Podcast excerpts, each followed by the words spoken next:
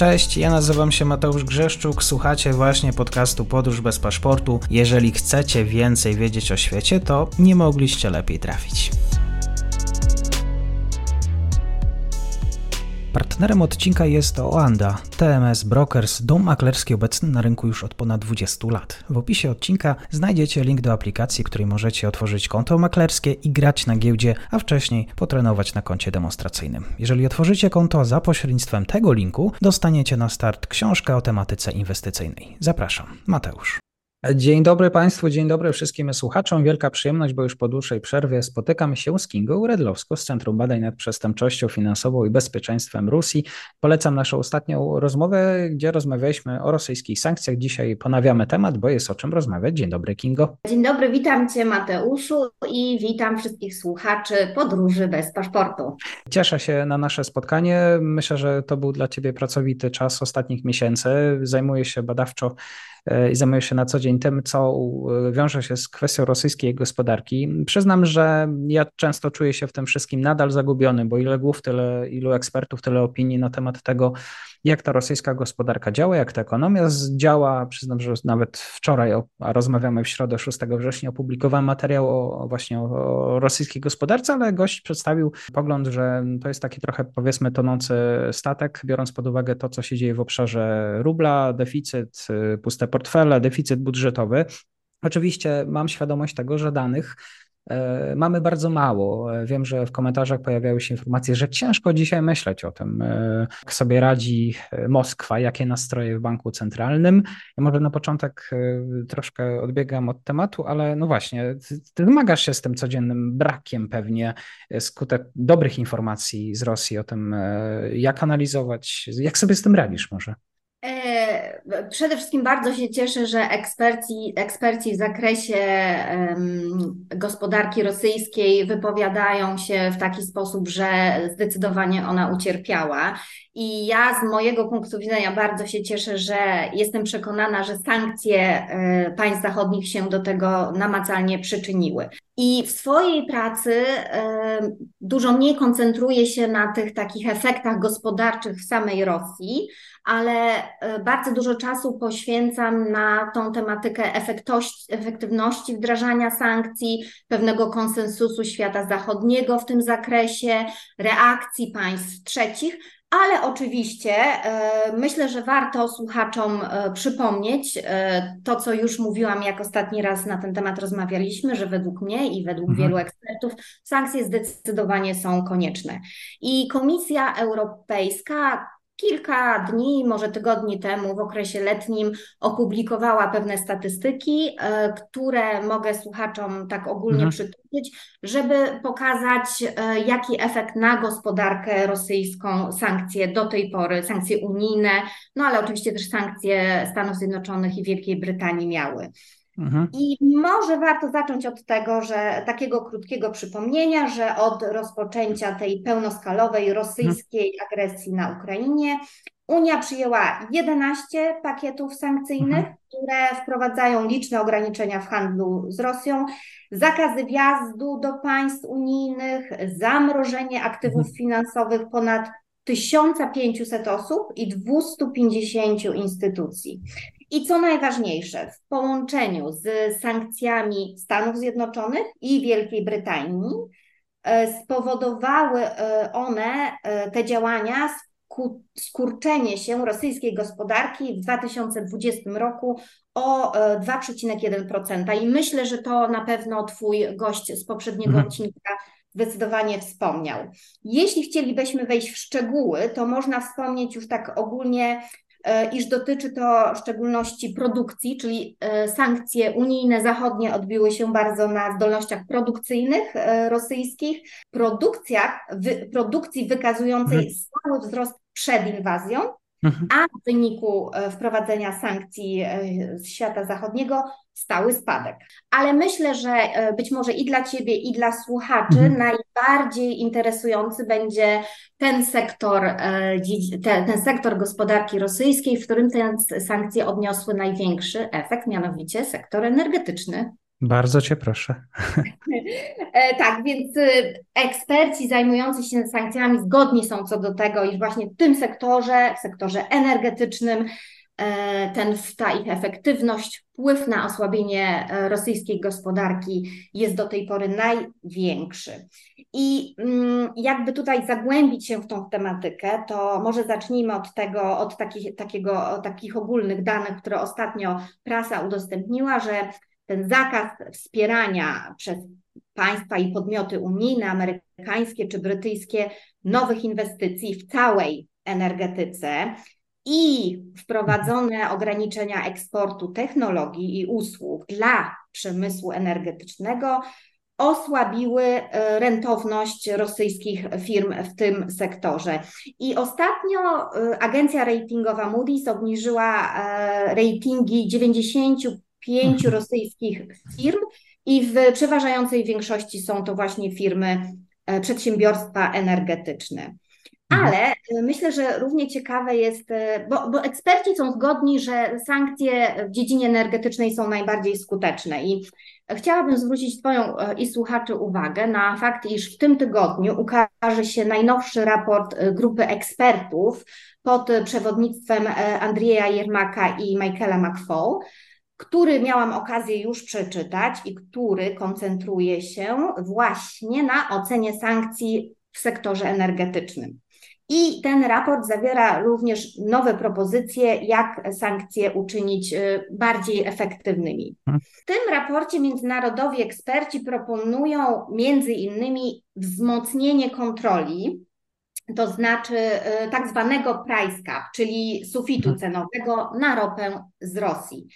Y, jak proponują wzmocnić tą kontrolę? Hmm. Między innymi poprzez E, narzucenie wymogu atestowania e, ceny ropy, e, czyli żeby ta ropa była przewożona tylko przez wyznaczonych pośredników, którzy będą skazani na tak zwanej białej liście. Po drugie, w takich sprawach bardziej technicznych proponują wzmocnienie wymogów dotyczących ubezpieczeń poprzez obowiązek posiadania przez armatorów takiego ubezpieczenia E, które się nazywa po angielsku Protection and, e, and Indemnity Insurance i jest to takie ubezpieczenie armatora od odpowiedzialności cywilnej i innych zobowiązań. Ale e, co najciekawsze, grupa Yermak McFall proponuje obniżenie price capu do poziomu, uwaga, 30 dolarów za baryłkę.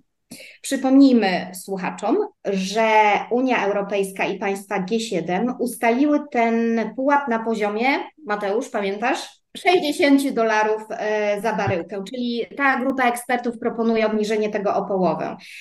I do tej pory, jeśli ładunek zmieścił się w tej cenie, mógł zostać przewieziony drogą morską przez europejskich armatorów do mhm. krajów spoza Unii. Oznacza to, że obecnie, jeśli kraj trzeci chce kupić ropę od Rosji, to nie może ona być droższa niż te 60 mhm. dolarów.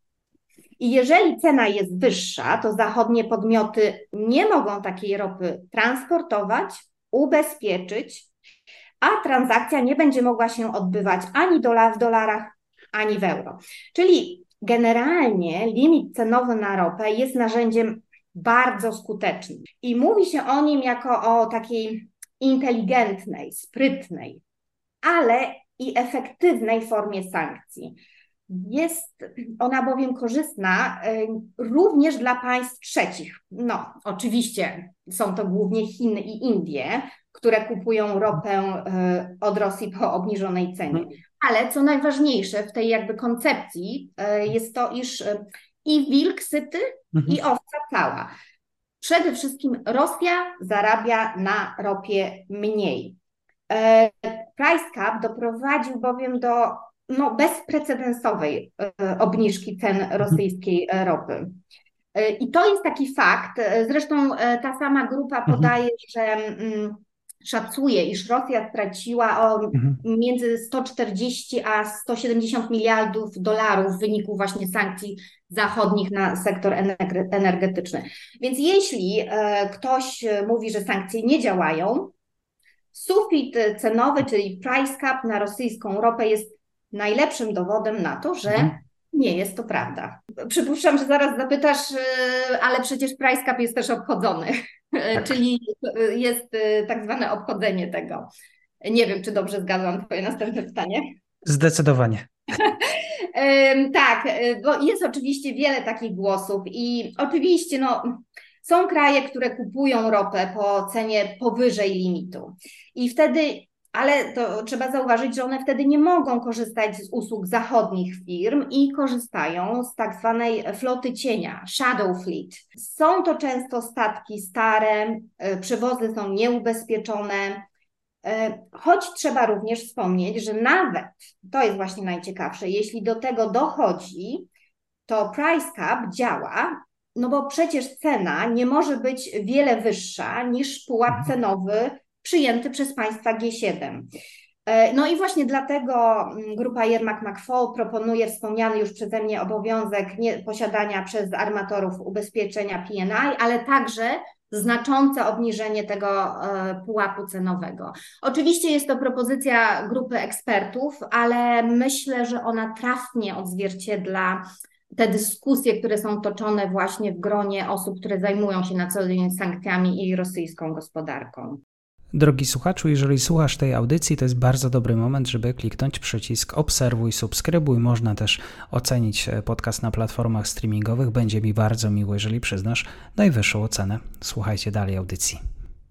Obserwowałaś na pewno też to, co się dzieje w obszarze OPEC, Arabia Saudyjska, Rosja, porozumienie. To w jakiś sposób też wpływa na, na, na to, co się dzieje na rynku? No oczywiście, bo y, też trzeba powiedzieć, że te e, sankcje świata zachodu na sektor energetyczny w Rosji mogłyby być jeszcze bardziej dotkliwe. Natomiast y, ceny y, ropy naftowej za ostatnie miesiące były dosyć wysokie, więc jakby to też naturalnie trochę podratowuje rosyjski budżet. I z pewnością no, jest to wiadome, wiadomy fakt, iż właśnie sektor energetyczny jest nazywany taką łodzią ratunkową rosyjskiej gospodarki. To jest taka kroplówka, która stale, stale płynie i ją zasila. Mhm. Więc y, oczywiście jest to połączone z całym globalnym systemem energetycznym i z rynkami globalnymi. Natomiast akurat, no tak jak powiedziałam, ten price cap jest takim, takim sprytnym rodzajem sankcji, gdzie e, chętnie popierają to również państwa trzecie, ponieważ są beneficjentami tej sytuacji, po prostu zyskują finansowo. Biorąc pod uwagę nie tylko rynek energetyczny, czy są inne sektory, które uważasz w jakiś sposób mówią o tym, e, o skuteczności, też pytam o technologię, o tutaj o wycofywanie się wielkich graczy z, właśnie z, z Rosji. No i pytanie, na ile tutaj ten produkcja krajowa jest w stanie poradzić sobie z wyzwaniami e, dla gospodarki rosyjskiej? E, tak, to jest niezwykle ciekawe. Warto przeanalizować to tak w takim szerszym kontekście, e, jak sankcje państw Unii Europejskiej wpłynęły na tak zwany decoupling, czyli uniezależnienie od siebie gospodarek mhm. unijnych i Rosji, bo przecież wszystkie te działania mają efekty po obu stronach mhm. i o tym należy pamiętać. I na przykład w porównaniu z rokiem 2021, już w roku 2022 y, odcięto y, prawie 60% całkowitego importu Unii z Rosji. Co stanowi bezprecedensowy spadek, czyli Unia importuje prawie 60% mniej towarów niż przed wojną. I spadek importu towarów nieenergetycznych w pierwszym kwartale 2023 roku przekracza już, e, przekroczył 75%. No a w przypadku już tych towarów energetycznych, o których rozmawialiśmy, jest jeszcze bardziej widoczny i jest na poziomie minus 80%. I teraz z drugiej strony, całkowity eksport z Unii do Rosji mhm. spadł o ponad 50%. I eksport produktów podwójnego zastosowania i zaawansowanych technologii, o które pytałeś, mhm. E, które są niezbędne do produkcji sprzętu i broni wykorzystywanych przez Rosję do prowadzenia wojny, spadł o prawie 80%. 80% to, to jest niezwykle dużo. No, ale tak jak, tak jak przy tej naszej dyskusji na temat sektora energetycznego, to są te takie mm, pozytywne, pozytywne dane. No, trzeba być też realistą i należy wspomnieć o obchodzeniu tychże e, sankcji, które dotyczą eksportu e, i importu do Rosji.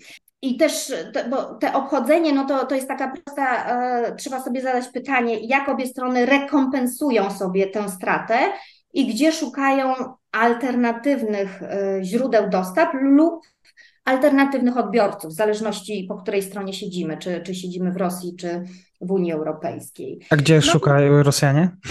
No właśnie, Rosja stara się sankcje obchodzić, wykorzystując, ja bym to nazwała, słabe ogniwa e, łańcucha sankcyjnego. I są to właśnie tak zwane e, państwa trzecie. Ale także Rosja wykorzystuje oczywiście nieszczelność systemu egzekwowania sankcji przez e, europejskie rządy wobec europejskich firm. I teraz tak, towary objęte sankcjami są e, produkowane przez coraz bardziej takie rozbudowane e, sieci pośredników z państw trzecich i niejednokrotnie przechodzą przez trzy czy nawet pięć państw, aż w końcu trafiają e, do Rosji. To, czy może tutaj słuchaczom takie śledztwo przeprowadzone przez Reuters i opublikowane dosłownie kilka dni temu, E, które obrazuje właśnie ten proceder na e, kilku konkretnych przykładach pokazujących, jak Moskwa obchodzi sankcje, aby utrzymać e, przy życiu konkretnie sektor lotniczy. I tak um, dziennikarze Reuters ustalili, że od maja 2022 roku linie lotnicze Ural Airlines pozyskały ponad 20 urządzeń lotniczych pochodzących, uwaga, z USA, e, objętych sankcjami oczywiście, e, aby kontynuować operowanie Boeingów i Airbusów. I Reuters szacuje, że sprzęt ten opiewał na sumę ponad miliard, miliarda dolarów. I dziennikarze prześledzili ewidencję celną, która pokazuje, iż sprzęt ten dotarł do Rosji przez państwa takie jak Tadżykistan, Zjednoczone Emiraty Arabskie, Turcja, Chiny y, czy Kirgistan. I wszystkie te państwa, zwróćmy uwagę, no, nie poparły sankcji Zachodu. I takich przypadków śledztw y, dziennikarskich ukazujących konkretne przypadki obchodzenia sankcji za pośrednictwem e, państw trzecich są już e, dziesiątki. Ja tu tylko jeszcze, jeśli mogę, słuchaczy zachęcę do zapoznania się z świetną publikacją wydaną właśnie przez Rusi, The Orlan Complex. I jest to takie śledztwo, e, które pokazuje, moi koledzy prześledzili udział komponentów e, zachodnich w bezzałogowych statkach powietrznych, które, które e, jakby spadały na terytorium Ukrainy i później można było analizować. I niestety e, bardzo dużo tych komponentów pochodzi z, właśnie z zachodu, mimo sankcji. Ale uważam też bardzo ciekawym wątkiem jest takie, możemy zadać sobie takie pytanie, czy państwa Zachodu nie przenoszą zbytnio odpowiedzialności za mm, nieszczelność tego systemu sankcyjnego na państwa, które no, tego systemu w ogóle nie uznają? Albo y, bo przecież te państwa, które wymieniłam, one nigdy nie powiedziały, że tak naprawdę przyłączają się do tych sankcji zachodnich. A Pytanie też, ile uwagi poświęca Unia Europejska, Stany Zjednoczone czy Wielka Brytania do zapewnienia efektywnego przestrzegania systemu sankcyjnego przez własne podmioty gospodarcze. No bo Mateuszu, przecież każdy producent, powiedzmy kabin ciś, e, ciśnieniowych dla samolotów, tak, który przed rosyjską agresją eksportował e, swój produkt do Rosji, no nigdy do Tadżykistanu. I w 2023 roku, po ponad półtora roku no, walki Ukraińców, wykrwawiania się narodu ukraińskiego w obronie swojej ojczyzny, ale i naszej wolności, zbija kokosy na znaczącym wzroście eksportu kabin ciśnieniowych do Tadżykistanu, który zapewne nie posiada floty lotniczej y, konsumującej nawet niewielką część tego zapotrzebowania. Jest zadowolony z utrzymania zysków, y, łatwego zastąpienia importera i niestety nie zawsze puka do niego system administracyjny Francji, Niemiec czy Holandii z zapytaniem, czy przestrzega Pan sankcji unijnych. No ja jestem w pełni świadoma, że mm, świat biznesu kręci się własnymi prawami, a firmy prowadzone są tak, aby przynosić jak największy zysk. No ale istnieje konsensus y, społeczny, polityczny, który opiera się na systemowym wsparciu Ukrainy, między innymi poprzez osłabienie gospodarki rosyjskiej działającej na rzecz e, machiny wojennej. Więc rządy państw unijnych podjęły decyzję o przyjęciu sankcji i powinny te decyzje egzekwować od swoich własnych e, mhm. podmiotów gospodarczych. I egzekwować, ale również kompensować kompensować e, rodzimemu przedsiębiorcy potencjalne straty i pomóc mu znaleźć nowych odbiorców swoich produktów. No, może to być robione, są różne jakby propozycje, pomysły. E, być może warto zastosować mechanizmy, które były stosowane podczas pandemii COVID, bo musimy podkreślić, że dla państw, które miały i mają wysoki stopień powiązania z gospodarką rosyjską, jak na mhm. przykład Niemcy, jest to problem bardzo duży i dotyczy wielu przedsiębiorców i firm i wpływa na ich biznesowe być albo nie być. No tak, w imię jakiejś polityki. No tutaj trzeba z czegoś gar zupę ugotować, trzeba biznes prowadzić, tak. E, pomimo e, tej atmosfery, która dzieje się wokół tego e, konfliktu. Tak, i myślę, że to jest jeszcze robota, którą musimy zrobić my, Europejczycy, tutaj na własnym podwórku, bo Nadmierna koncentracja na roli państw trzecich, mimo że to jest bardzo medialne e, i brzmi tak ciekawie, e, te trasy produktów przez 3, 5, 7 państw przechodzące, państw egzotycznych, ale tak naprawdę one nie przełożą się na zwiększenie efektywności sankcji, czyli tego, co, co chcemy osiągnąć, bo dialog z państwami trzecimi to domena dyplomacji i oferowanie takich warunków i zachęt, E, tego dyplomatycznego kija i marchewki, aby państwa trzecie skłaniać do współpracy.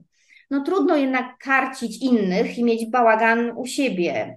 Dlatego jestem osobiście zwolenniczką wzmacniania tej szczelności systemu również właśnie w państwach zachodnich i wiele projektów, które realizujemy właśnie w Europie, koncentruje się właśnie na, na wspieraniu tej zwiększaniu tej wiedzy i wspieraniu tej efektywności sankcji tutaj w ramach Unii Europejskiej.